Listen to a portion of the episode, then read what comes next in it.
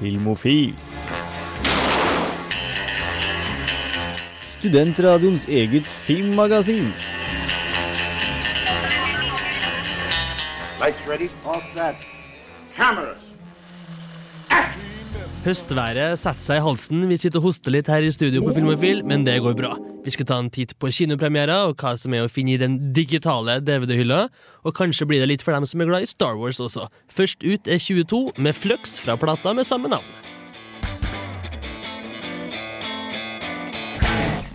Flux 22 trønderband, du får det her på Radio Revolt.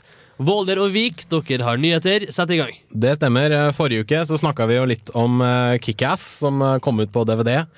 Og nå uh, viser det seg at en av skaperne av Kickass, Mark Miller, skal nå regissere sin egen film. Som er en lavbudsjett superheltfilm som blir satt i Skottland. Den skal hete Miracle Park og blir beskrevet som en blanding av X-Men og Trainspotting. Flere superhelter der, altså. Enda flere superhelter. Og uh, han sier at den skal bryte alle tabuene som uh, superheltfilmer ikke tør å bryte. Sex og vold der, altså. Tydeligvis. Og en del bannskap. Og den skal skytes fullstendig med håndholdt kamera. Selvsagt. Ypperlig. Jeg gleder meg veldig til den her Wolverine detter ned i teppesekvensen der heroinarmer bare pumper i takt med bassen fra en eller annen dårlig britisk teknoartist. Jeg gleder meg. Det må bli bra. Det høres uh, fantastisk ut. Og så har jeg egentlig et uh, spørsmål til uh, alle i studio. Hvem hadde vunnet i en slåsskamp mellom en pirat og en ninja? Ninja. Ninja. Ninja. Dere sier ninja. Jack Sparrow. Riktig, riktig, svar er faktisk pirat. Ifølge, ifølge, Spike TV sitt Deadliest Warrior, som nå kommer til kinolerretet.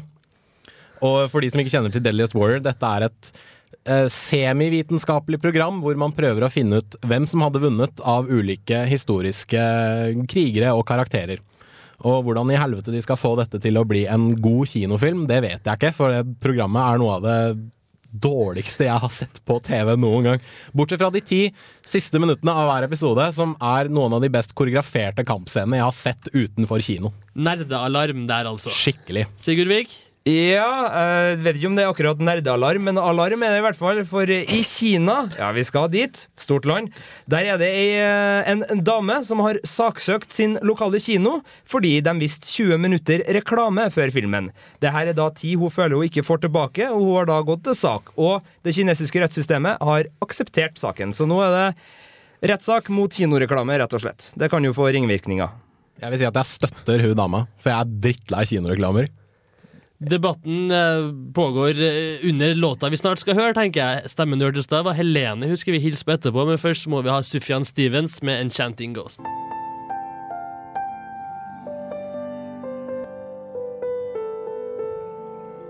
Sufjan Stevens' 'Enchanting Ghost' hørte du her på Filmofil. Vi snakker filmnyheter, og vi begynner hos Vik. Ja. Eh, den sårt etterlengta storfilmen, man må vel kunne kalle den det, 'Hobbiten', Peter Jackson-produsert, og vi da befinner oss i Ringenes herre-land. Mm. Den har blitt utsatt, avlyst, satt bort, skifta regissør, har ingen regissør, osv., osv. Nå har Ian McKellen, som spilte Gandalf i Ringenes herre-filmene, og forhåpentligvis da også kan spille Gandalf i Hobbiten, sagt at filminga kan begynne i januar 2011. Så da er vi spent på et prosjekt som har skjært seg, skjært seg, skjært seg, og som kan bli. Nerdealarm der, altså. Ja. Våler, du står og gliser. Du liker Hobbiten, tenker jeg. Det, det, gjør jeg, men det blir eh, faktisk enda mer nerdealarm, for nå skal vi igjen til uh, tegneserienes verden. Oi. For uh, apropos filmer som uh, kanskje eller kanskje ikke kommer. Ryan Reynolds har nok en gang uttalt seg om Deadpool-filmen. Ja. Uh, og uh, sier at uh, han kaller det en såkalt nasty burger, som de kalte det i Vancouver. Og noen ganger så må du spise en nasty burger for å komme til småkakene. Og, kan, han, du, kan, du, forklare den metaforen for meg, for jeg er litt tett i pappen? Her, jeg skjønner den ikke helt selv heller. Men du har et sitat, i hvert fall. Det er bra. Ja, og han, han sier i hvert fall at uh, den filmen skal uh, være på vei, og at det blir uh, Ja, den blir litt nasty og veldig, har veldig mye emosjonell skittenhet ved seg. Og sier at Deadpool kommer til å være akkurat sånn som fans av tegneserien husker han, med total nedbryting av den såkalte fjerde veggen. Og han har blitt beskrevet som en slags gal Ferris Bueller med katanasverd. Det er noe annet, i hvert fall. Det er absolutt noe annet. Uh, Robert Rodriguez har vært i forhandlinger om å regissere, men uh, hvorvidt han kommer til å være med eller ikke, det vet man ennå ikke. Vi venter i spenning. Vi har også venta i spenning på en, et nytt medlem her. Helene, velkommen til Filmofil. Takk, takk. Uh, vi er jo en samling med litt sånn brautende karer her, så det er hyggelig å ha litt motsetninger også, og litt forskjellige stemmer.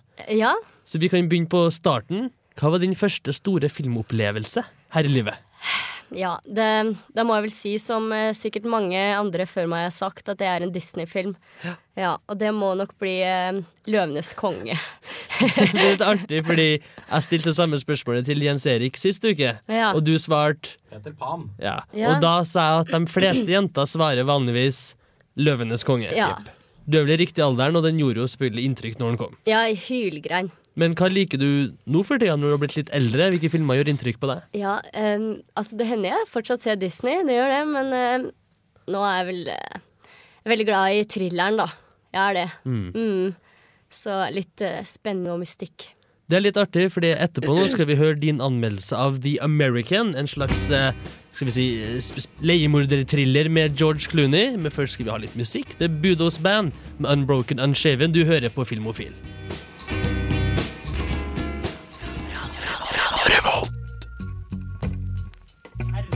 Roots Manuva der med Butterfly, Butterfly Crab Walk.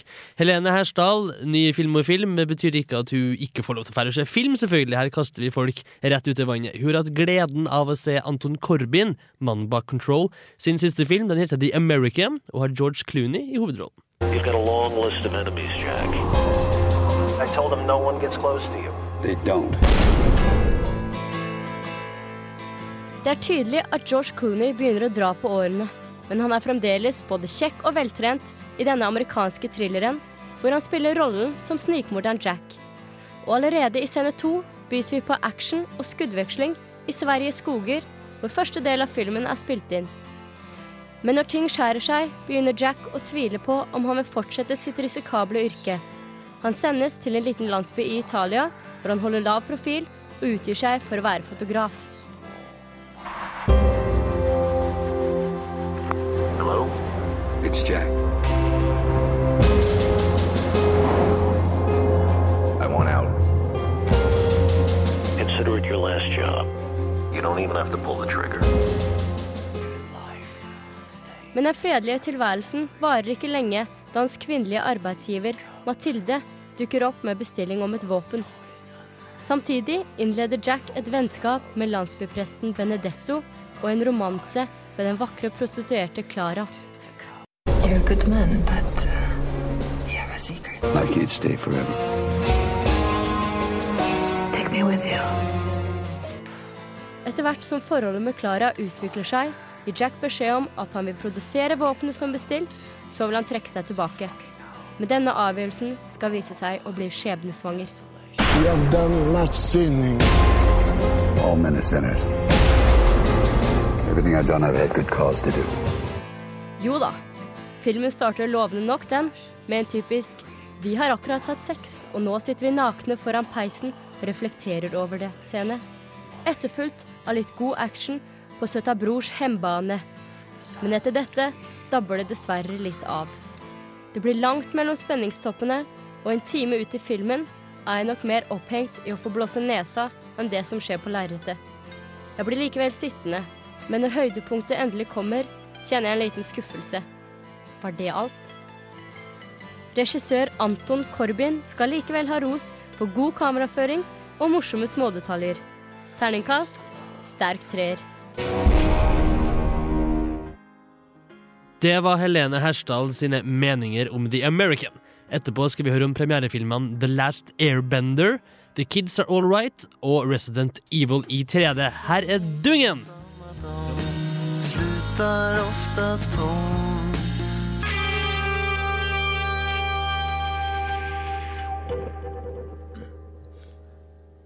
Dungen er altså med Marken lag stilla. De er, så vidt jeg vet, Trondheims aktuelle og skal spille her i løpet av høsten, kanskje tidlig vinter.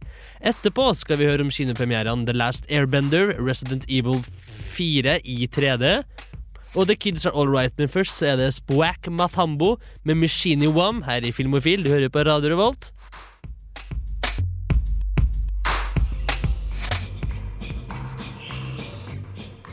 Cool Cats der med Machines. Jens Erik Våler har vært på kino, og han har tatt en titt på det som kalles en indie-komedie. Jeg vet ikke hva det er. The Kids Are All Right.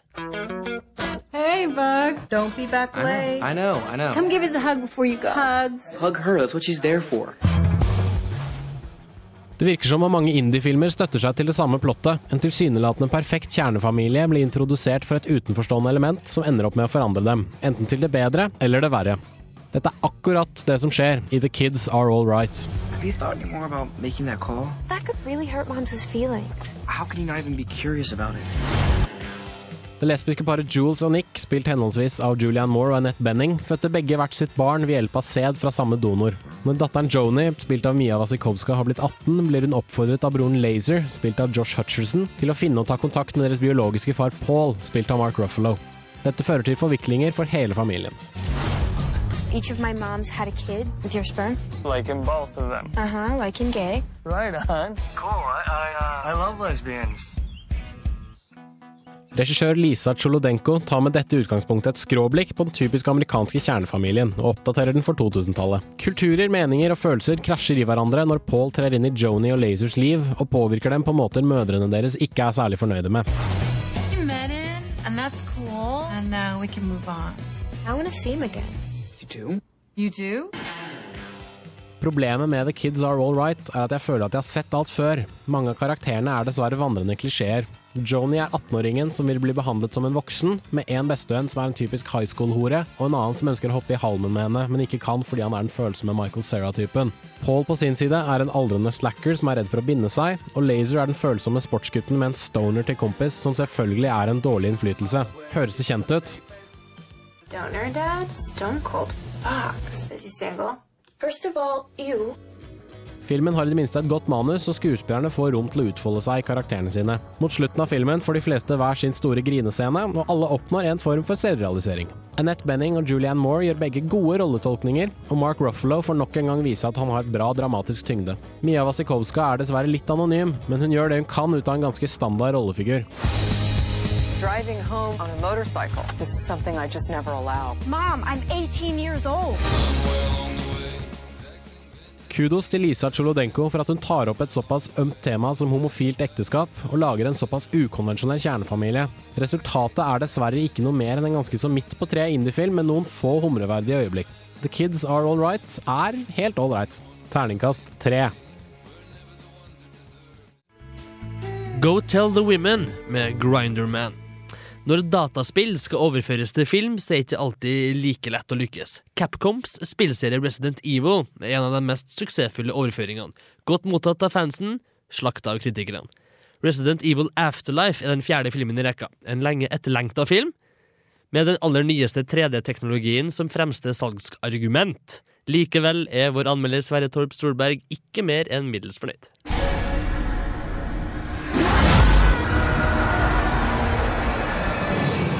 Fem år har gått siden den mystiske Umbrella Corporation slapp løs det grusomme T-viruset.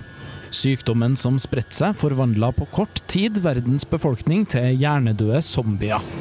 Menneskehetens overlevelse hviler nå på skuldrene til den mørke skjønnheten Alice, spilt av evigunge Milla Jovovic. The Umbrella Corporation feels safe. Everything is quiet here. They feel secure. They're wrong. Alice drar på leiting etter overlevende i en folketom verden.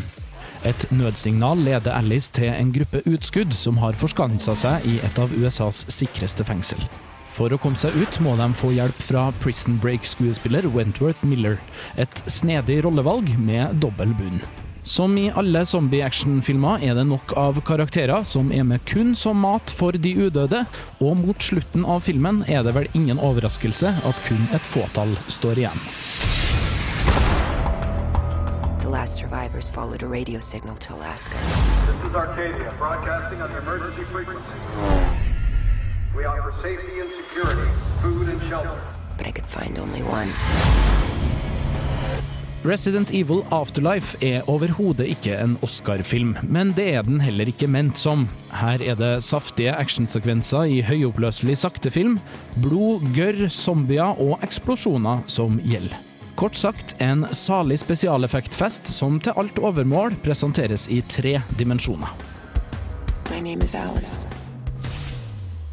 Økt fokus på karakterutvikling og forsøk på å skape spenning og relasjonskonflikter mellom karakterene mislykkes dessverre. Resident Evil-serien er først og fremst zombie-action. Det er en større fest for øyet enn for hjernen. Afterlife kan gi blodtørstige og småkåte tenåringsgutter i 20- og 30-åra valuta for pengene, men er ikke mer enn lettforglemmelig fredagsunderholdning.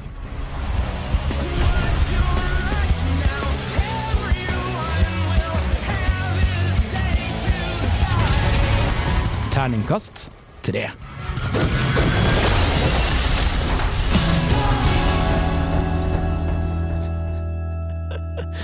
The Shins med Australia der. Vi tar en titt på kinopremierene. Jeg har vært og sett en møkkafilm, og den heter The Last Airbender. I will stop them. You may already be too late. Mamma sa alltid til meg at hvis du ikke har noe bra å si om noen, så ikke si noe. Hun hadde tydeligvis ikke filmregissør M. Night Shyamalan i tankene når hun sa det. Det provoserende, talentløse rasshølet besudler nok en gang et godtroende publikum med et fornærmende dårlig produkt. There are reasons each of us are born.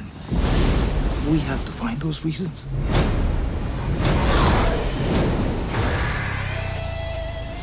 The Last Airbender er en slags action-fantasy-kombinasjon basert på en animert serie fra den amerikanske TV-kanalen Nickelodeon. Den har undertegnede ikke sett, men den er visst en underholdende affære for både små og store barn. Filmversjonen er en håpløs suppe som irriterer mer enn noe annet. Handlinga foregår visstnok i en slags alternativ virkelighet, hvor verden er befolka av forskjellige stammer. De har krefter til å påvirke de fire elementene ild, vann, jord og luft. Noen er slem, og noen er snill, så da blir det maktkamp og greier. Will not live in peace until I find him.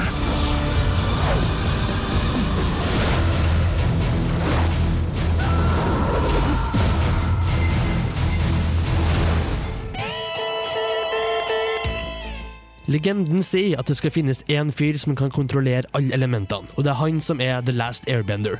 Han er en liten gutt som har et par fjotter som sine ledsagere. De skal visstnok trene opp pjokken til å mestre alle sine krefter, for da kan han få balanse i verden, etc., etc. En ond prins vil også styre verden, og det er noen vakre prinsesser og merkelige skapninger underveis. Masse flotte klisjeer som er totalt uinteressante å observere.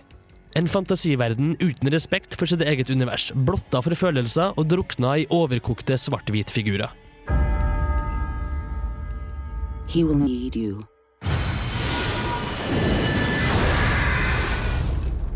And we all need him.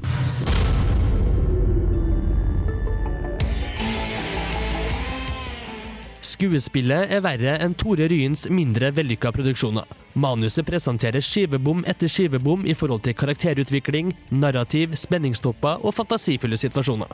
Dialogen er latterlig håpløs og fungerer mest for å forklare hva vi allerede ser på skjermen. Jeg har aldri likt en eneste film av regissør Shyamalan, og han har vel generelt fått ganske lunkne kritikker for det meste han har gjort. En selvopptatt, formsvak, kynisk idiot som av en eller annen grunn har onanert riktig sponsor for å få kapital til makkverkene sine. Flaut og årsverste. Terningkast én. I always knew you return. You are the only one who can control all the elements and bring peace to our world. I will stop them.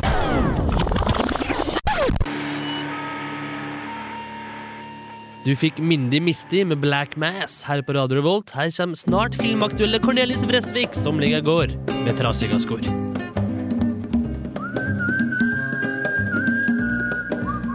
Filmofil? Jeg er ikke filmofil.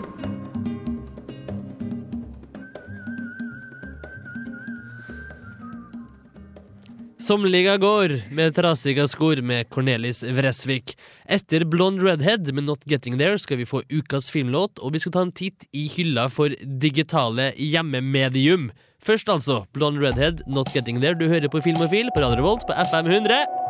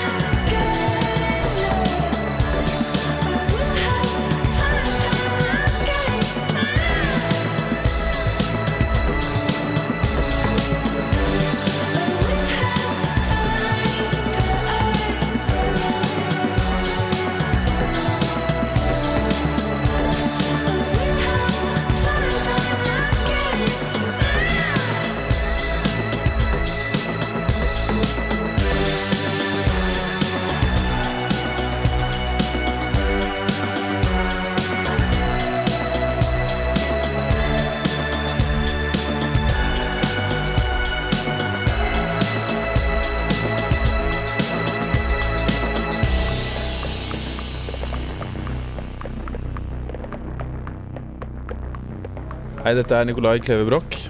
Eh, Jeg vil bare si, hør på Filmofil, så får du med deg mye bra stoff. Hardcore. Takk, Sverre. Dette er ukas filmlåt her på Filmofil.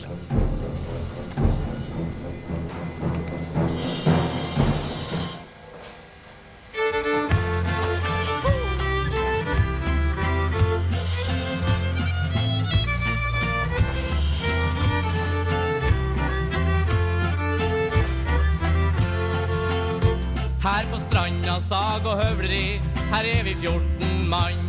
Vi sager og vi høvler vi, gran og bjørsk og hikori, stokka som er grop og grann.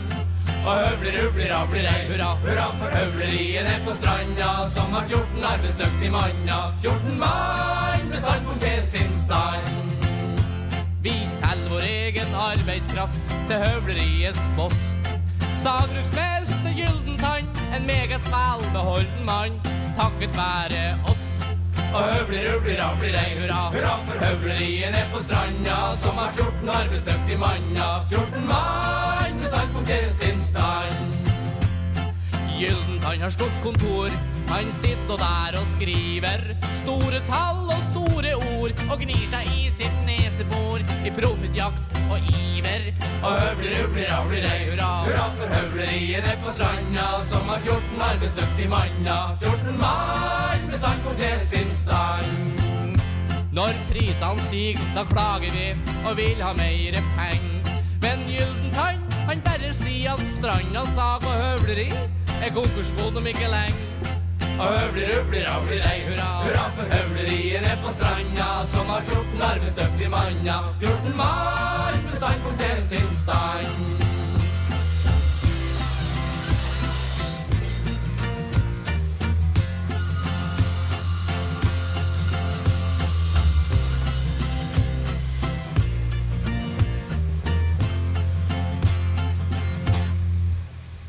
Men Gylden han snakker tull og trumfer fram sin mening. Han rik på Gosa gull, før glemte vi det og drakk oss full. Men nå har vi starta fagforening. Og høvler, rubler, rabler, ei, hurra. Hurra for høvleriet ned på stranda, som har 14 arbeidsdyktige manna. 14 mann med standpunkt til sin stand. Ja, neste gang skal Gyllentann bli bare lett og bleik. Når vi krever høgere lønn per mann, og hvis den begynner prøve seg han, truger vi med streik.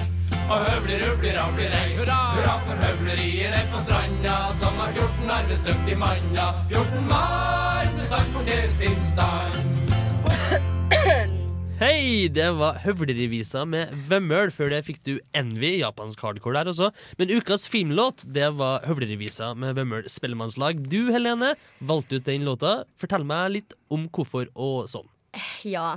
ehm, jeg valgte den låta her fordi ja, Først kan jeg si at uh, den er tatt ifra gymnaslærer Pedersen, Ja. som uh, var kinoaktuell for uh, i 2007 Nei, 4, 2004. Noen år siden. Ja, noen år siden. Uh, og da har det seg sånn at eh, hver gang jeg møter noen nye folk, så, så peker de på meg, så sier du Du, du minner meg om Du minner meg om ei. Jaha? Ja, en, en kjent person. Ja, Andal Torp, da, eller? Ja, ja, hun er det, Andal Torp. Like skuffende hver gang. Jeg er ikke så fan av Andal Torp, egentlig. Så um, da ble det denne låta, fordi da jeg flytta til Trondheim, så um, flytta jeg inn sammen med to um, N-ere fra Harstad. Ja, det, NU er Natur og Ungdom. Natur og Ungdom. De er kraftig på rødsida, da, kan du si. De spiller spellemenn, begge to. spiller Spillekvinner. Og de introduserte meg da for Vømmøl. Så da går de i Vømmøl når vi vasker opp, og da fortalte jeg de om uh, dette med Arendal Torp og ja, traumene mine, og da sa de at uh, ja, du kan jo trøste deg med at det er en veldig kul låt som spilles under uh, sexakten, da. For jeg fikk jo mye spørsmål om det, hvordan det var å spille inn den sexscenen da, og diverse i filmen. Så denne låta den dedikerte jeg da litt til uh, Sunniva og Ingrid, som jeg bor sammen med. Ypperlig! Mm. Eh, Vi skal holde oss i senga og i Trøndelag. Difference synger om Sweet Sounds Everywhere. Du hører på Filmofil.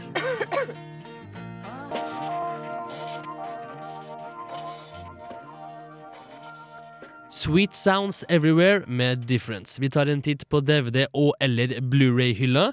Cecilie Frilseth Honevold hjalp oss i fjor, og hun har tatt en titt på The Runaways.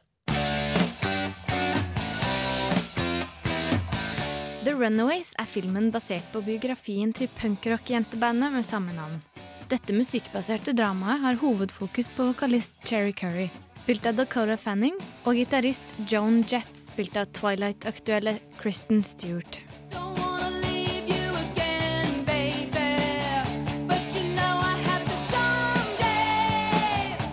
Et mannsdominert rockemiljø på 70-tallet må de kjempe om plassen for å nå toppen og kapre USAs kritiske hjerter. Jentene slår fra seg, men ikke uten å ofre noe på veien. Med en kynisk og grisk manager, fraværende foreldre og mengder med dop er det nemlig ikke lett å være legendariske tenåringsjenter. My name is Shuri, and my life was ready for a change. It really looks terrible. Good. It all started with Joan. I'm Joan Jett. I want to start an all-girl rock band. Once we met, We love your look. We are choosing you to be a part of rock and roll history. we did what no one else thought we could do. Regissør Floria Sigismondi gjør med The Runaways sin første langfilm. Tidligere har hun gjort musikkvideoer for bl.a. Marilyn Manson. Hennes interesse for musikk gjenspeiles i filmen, ettersom utallige scener utspilles på konserter eller øvinger.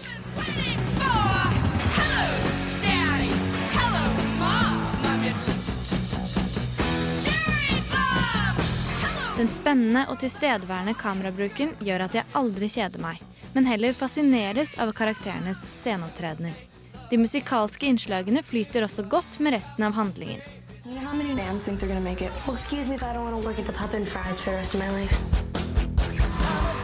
People said we were a bad influence. Open up, you filthy varmint. But who are they to tell us that? What is this? It ain't baby shampoo. We were about to make rock and roll history. We did it. Mercury Records. We got signed? Spesielt er det den vulgære, men uskyldige Cherry Curry som tiltrekker min oppmerksomhet. Det er med denne rollen et faktum at Dakota Fanning har blitt voksen, og at hun dermed også har overlevd den vanskelige overgangen fra en barnestjernetilværelse til å bli en dyktig og erfaren skuespillerinne. Cherry Curry oppleves med sitt Brigitte Bardot-aktige utseende som en spennende kontrast til det ellers rå og brutale rockemiljøet. Det er noe veldig melankolsk over hvordan denne unge og intetanende jenta blir dratt inn i et tøft miljø hvor dop etter hvert blir mer enn bare en festlighet. Fanning skaper et imponerende godt innblikk i Cherry Currys karriere og privatliv.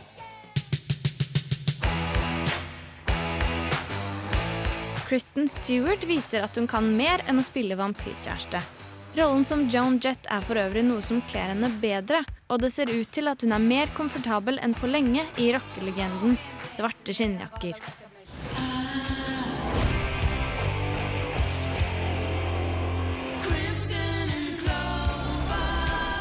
The Runaways have the most chance of any group I've seen to tear this world apart.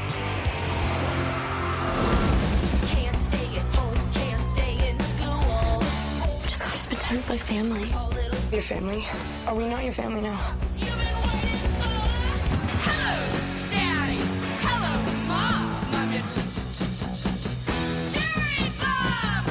Jeg vet ikke om det er den bortgjemte feministen inni meg som snakker, eller min store fascinasjon for Dakota Fannings unike talent, men jeg blir fullstendig revet med.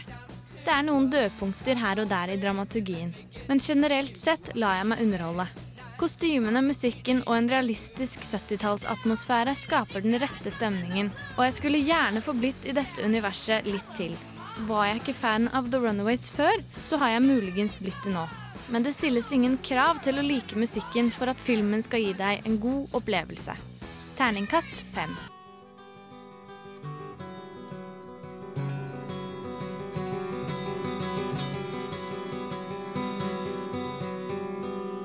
Alone Again Or med Love.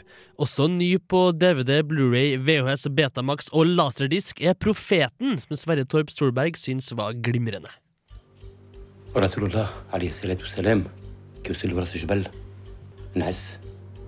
Profeten er en mektig og storslagen film. Den forteller om et hardt og brutalt fengselsmiljø som kan forvandle navnløse småkjeltringer til frykta mafiabosser. 19 år gamle Malik El-Jebena er en anonym halvkriminell skikkelse uten familie eller venner. De neste seks årene av sitt liv skal han tilbringe i et fransk fengsel, og vi får bli med. Malik har ingen klar tilhørighet til noen gruppe. Som ung fransk araber har han vært inn og ut av barnevernsinstitusjoner og ungdomsfengsler uten å bli plukka opp av andre systemer enn de rettslige. Nå må han sone med de store gutta, og uten beskyttelse blir han raskt et offer for de kontrollerende myndighetene.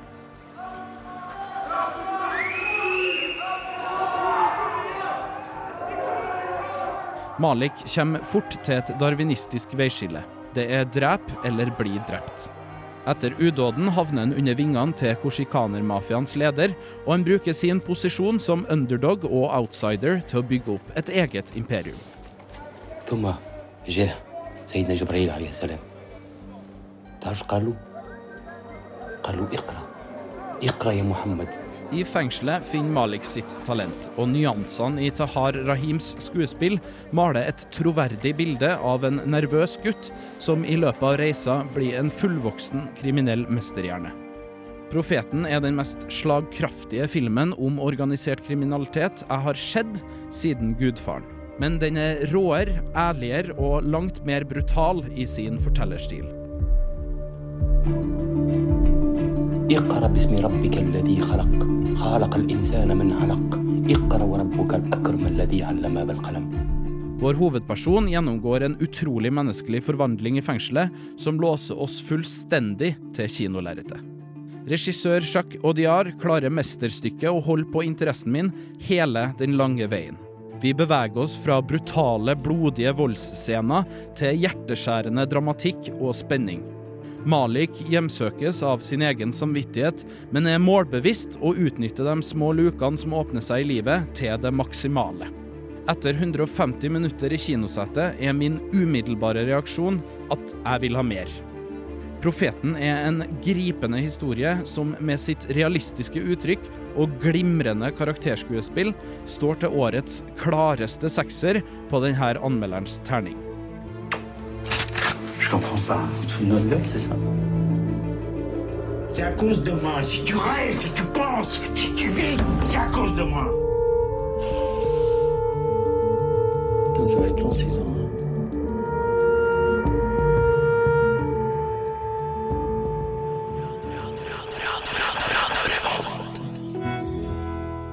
The Crying Game av Dave Berry. Tidligere nevnte Cecilie Hovenvold har hjulpet oss med DVD- og eller Blu-ray-anmeldelser. Hun har sett The Blind Side.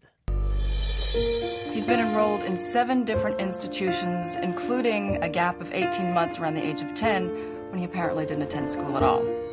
I tell you, most kids with his background wouldn't come within 200 miles of this place.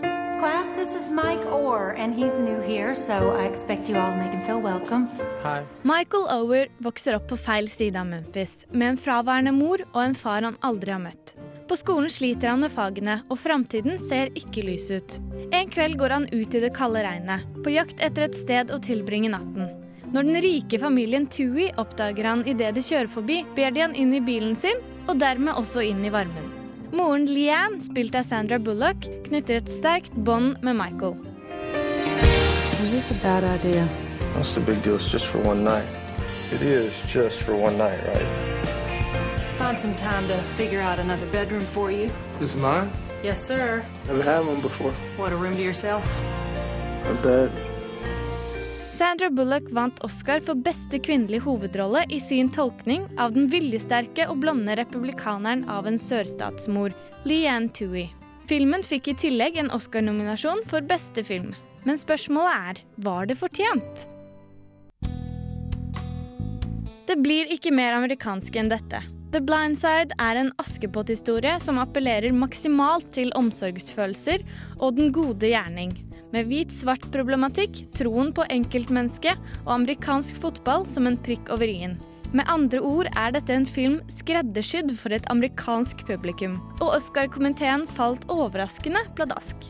Kanskje er det tanken på at filmen er basert på en sann historie som gjorde det endelige utslaget. It's all real nice what you're doing, but don't be surprised if one day you wake up and he gone. Michael was here. Last night.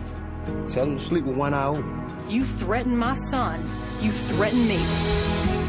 For det norske og mer jordnære publikummet tror jeg dette både vil bli gjennomskuet, men også akseptert.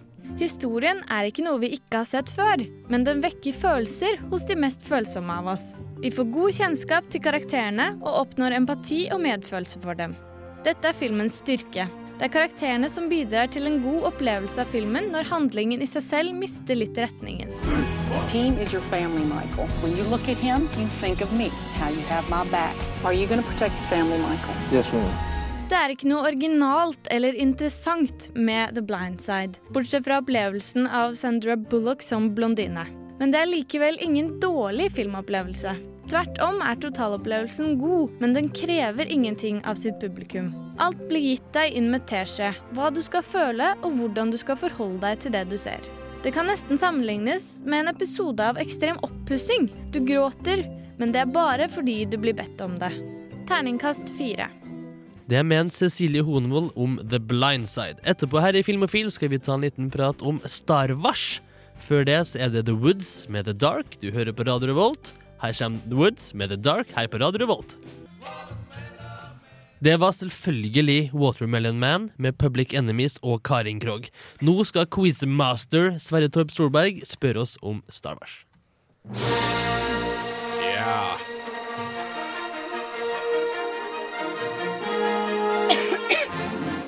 Ja da. Velkommen. Ja, tusen takk. Eh, det er da en liten eh, sånn Star Wars-quiz som jeg da har uh, sopa sammen fra gamle eh, internett. For dem som kanskje ikke vet det, hva er Star Wars? Ja, er det mange som ikke vet hva Star Wars er sånn i 2010? Eh, dere som ikke vet hva Star Wars er, kan bare skru av radioapparatene i dette øyeblikk. Eh, dere vil ikke ha noe utbytte av eh, det som nå kommer. Nerdealarm der, altså. Ja. Eh, jeg har da funnet ut at vi skal ta en liten quiz innad her i Filmofil for å finne ut hvordan kunnskapen om eh, verdens beste oppfølger, nemlig Star Wars eh, episode 5, The Empire Strikes Back, og hvordan eh, om, om eh, film, eh, Filmofils utsendte faktisk kan noen ting om denne filmen. Kan jeg snike meg til å prøve på et sånn billig poeng? Ja. Det er 30-årsjubileum i år, og i høst, for The Empire Strikes Back, og også da verdens beste oppfølger. Poeng? Et, poeng? Mozart-kule. Mozart-kule, det er kjempebra. Veldig godt fornøyd med det. Vi gjør det sånn, da. Det er fire spørsmål, og dere er jo da fire deltakere. Så vi, vi jeg stiller et spørsmål, og det er fire alternativer. eh, Så dere får velge ett hver. Ja, men da blir det jo Fire ganger fire. Nei, Ok, da, ja. eh, men eh, Kjør på. dere får svar først, altså annenhver gang. Eller, ja. Mm. Klassisk Solberg. Takk.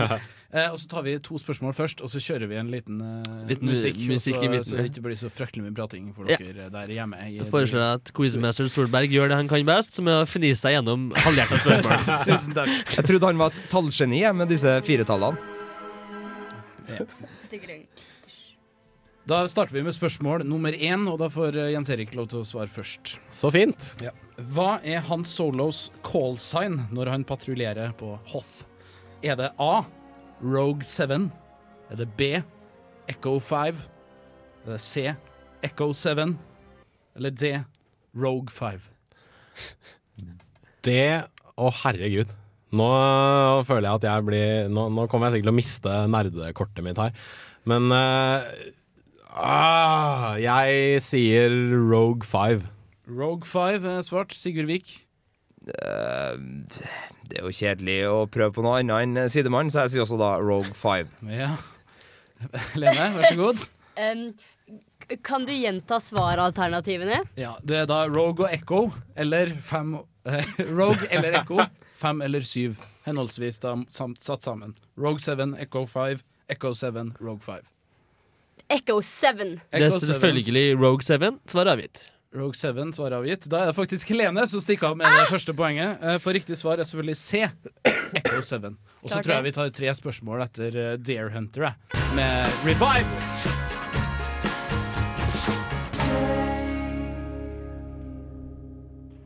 Her på Filmofil fikk du Dare Hunter med Revival. And now for something completely different. Fantastisk. Ja da! Tulling, du, Solberg. En tulling er Solberg. For dem som nettopp har tuna inn her på eteren, så har vi Star Wars-quiz i Filmofil-redaksjonen. Quizmaster Solberg spør oss ut. Helene Hersdal leder med ett poeng Soleklart. mot uh, Vik, Våler og Krokfoss, som alle er på null. Bare skyt inn at vi har en kule. Og Vik har én Mozart-kule, og Solberg har nettopp vunnet en, han òg, for sin overdådige effektmakeri. Tusen hjertelig eh, takk. Spørsmål to. Spørsmål to. Hva er det Princess Leia heller vil kysse enn Han Solo i The Empire Strikes Back? Da er det da Sigurd Vik som får lov til å svare først. Er det A. Darth Vader? Er det B. En droide? Er det C. En Wookie? Eller er det D. Chewbacca? Hun velger jo sin egen bror øh, underveis i denne sagaen, men øh, jeg er jaggu så lite nerd at jeg sier øh, Chewbacca. Det var den jeg skulle ta. Men eh, nå må jeg ta noe annet. Ja, eller du kan velge det samme også. Nei, nei, det er eh, Jeg ville tatt en droide. En droide. Ja. Jeg tar selvfølgelig en Wookie. En Wookie er svart. Jeg eh, svarer det samme som Christian, og jeg supplementerer med at Han Solo svarer 'That can be arranged'. And now for something. En Wookie er korrekt! Yay! Eh, det vil si at Helene da har ett poeng, eh, mens Jens Erik og eh, Christian Og Sigurd Vik har en Mozart-kule. Videre. Videre. Spørsmål tre. Spørsmål tre. mynt. Ja. Ja. Vi har, vi har det artig nå, har vi ikke det? Har det? Ja, flott. det er så godt å kunne bidra. Du, du, du, du, du. Spørsmål nummer tre. Hvorfor kan ikke The Millennium Falcon kjøre inn i hyperspace? Uh, og det er da en spesiell scene i The Impress Strikes Back selvfølgelig sikter til. A. The Falcon har ikke en hyperdrive-motor. B. Han Solo har glemt hvordan han gjør det. C. Hyperdrive-motivatoren er ødelagt. Eller D. Chewbacca har ødelagt hyperdrive-motoren. Helene. Chewbacca. Ødelagt. Vært og sabotert. Hva var alternativ C? Hyperdrive-motivatoren er ødelagt. Solgt! ja. Jens Erik? Uh, jeg må nok gå for det. at Chewbacca har klart å ødelegge hyperdriven. Ja vel. Og Jeg husker jo selv når jeg ikke kom inn på Hyperstate, øh, så var det jo hypermotivatoren, så jeg går for den. Alternativ C. Hyperdrive-motivatoren er ødelagt. Hyperdrive-motivatoren er ødelagt er korrekt svar, eh, så det blir da ett poeng hver til Kristian Krokfoss. Og, Og Sigurd Vik. Sigurd Vik. Ja. Oppdatert, oppdatert stilling for Eh, siste spørsmål. Ja, vi må ha det. Helene har Og ett poeng. vignetten på nytt etterpå også. That can be arranged. Stillinga! Stillinga i vår Star Wars-quiz i anledning The Empire Strikes Back, altså episode 5 av Star Wars sitt 30-årsjubileum, er Helene ett poeng, Jens ett poeng, Sigurd ei Mozart-kule. Nei da, du har ett poeng, du òg. Og Christian har ett poeng. To. To, da. Han fikk eh, to. Ja. Er to poeng. Ja, ja, det er to streker. Siste og avgjørende spørsmål. Siste og nesten avgjørende spørsmål. Eh, kommer rett etter pausen. Nei da, det gjør ikke det. Eh, men eh, det er da eh, spørsmål fire. Hvilken plattform lander han solo på når han ankommer Cloud City? Det er kanskje et eh, vanskelig spørsmål. Kanskje? Er det A. Platform 732. B. Platform 372. C. 327. Eller D. 237. Uh, jeg svarer alternativ C. 327. C. Jeg må nok dessverre benke på det samme som uh, Krokfoss igjen, faktisk. Jeg svarer alternativ C. Det er nok alternativ A. Alternativ A, 732. Er det ditt endelige svar? Ja. Nei, det er B. Hva var det igjen? 372. Ja, det er den. Svaret 372. får vi ikke nå. Det får vi etter Wolves Like Us med Deathless, og da får vi svaret på hvem som har vunnet Star Wars-konkurransen i dag. Unnskyld. Hva var det du skulle ha igjen? Wolves Like Us, takk. Deathless. Å ja.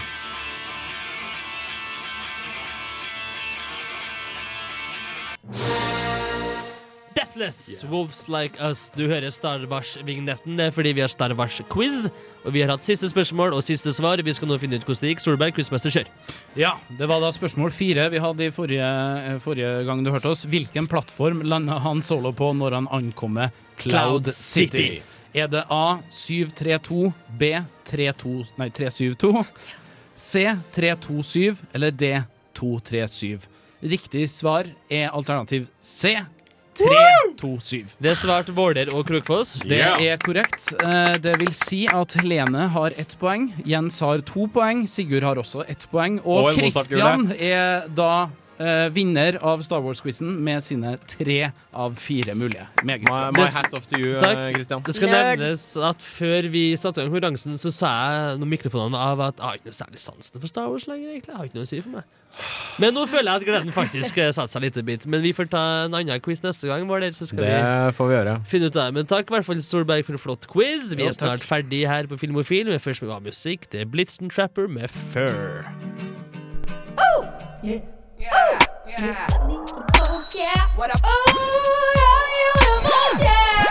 Det er Torstein Hyl, og jeg hører kun på Radio Revolt. God stil!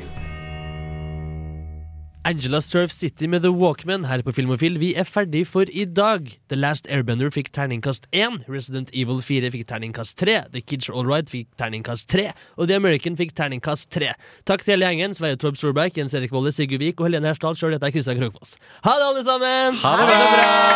Gå på internett, vi har podkast etc. Ikke mitt ansvar. RadioRevolt.no. Her er Destiny's Child med Bill Spill Spill. Så får all den beste kvalitetsmusikken her på Radio Revolt på FM 100.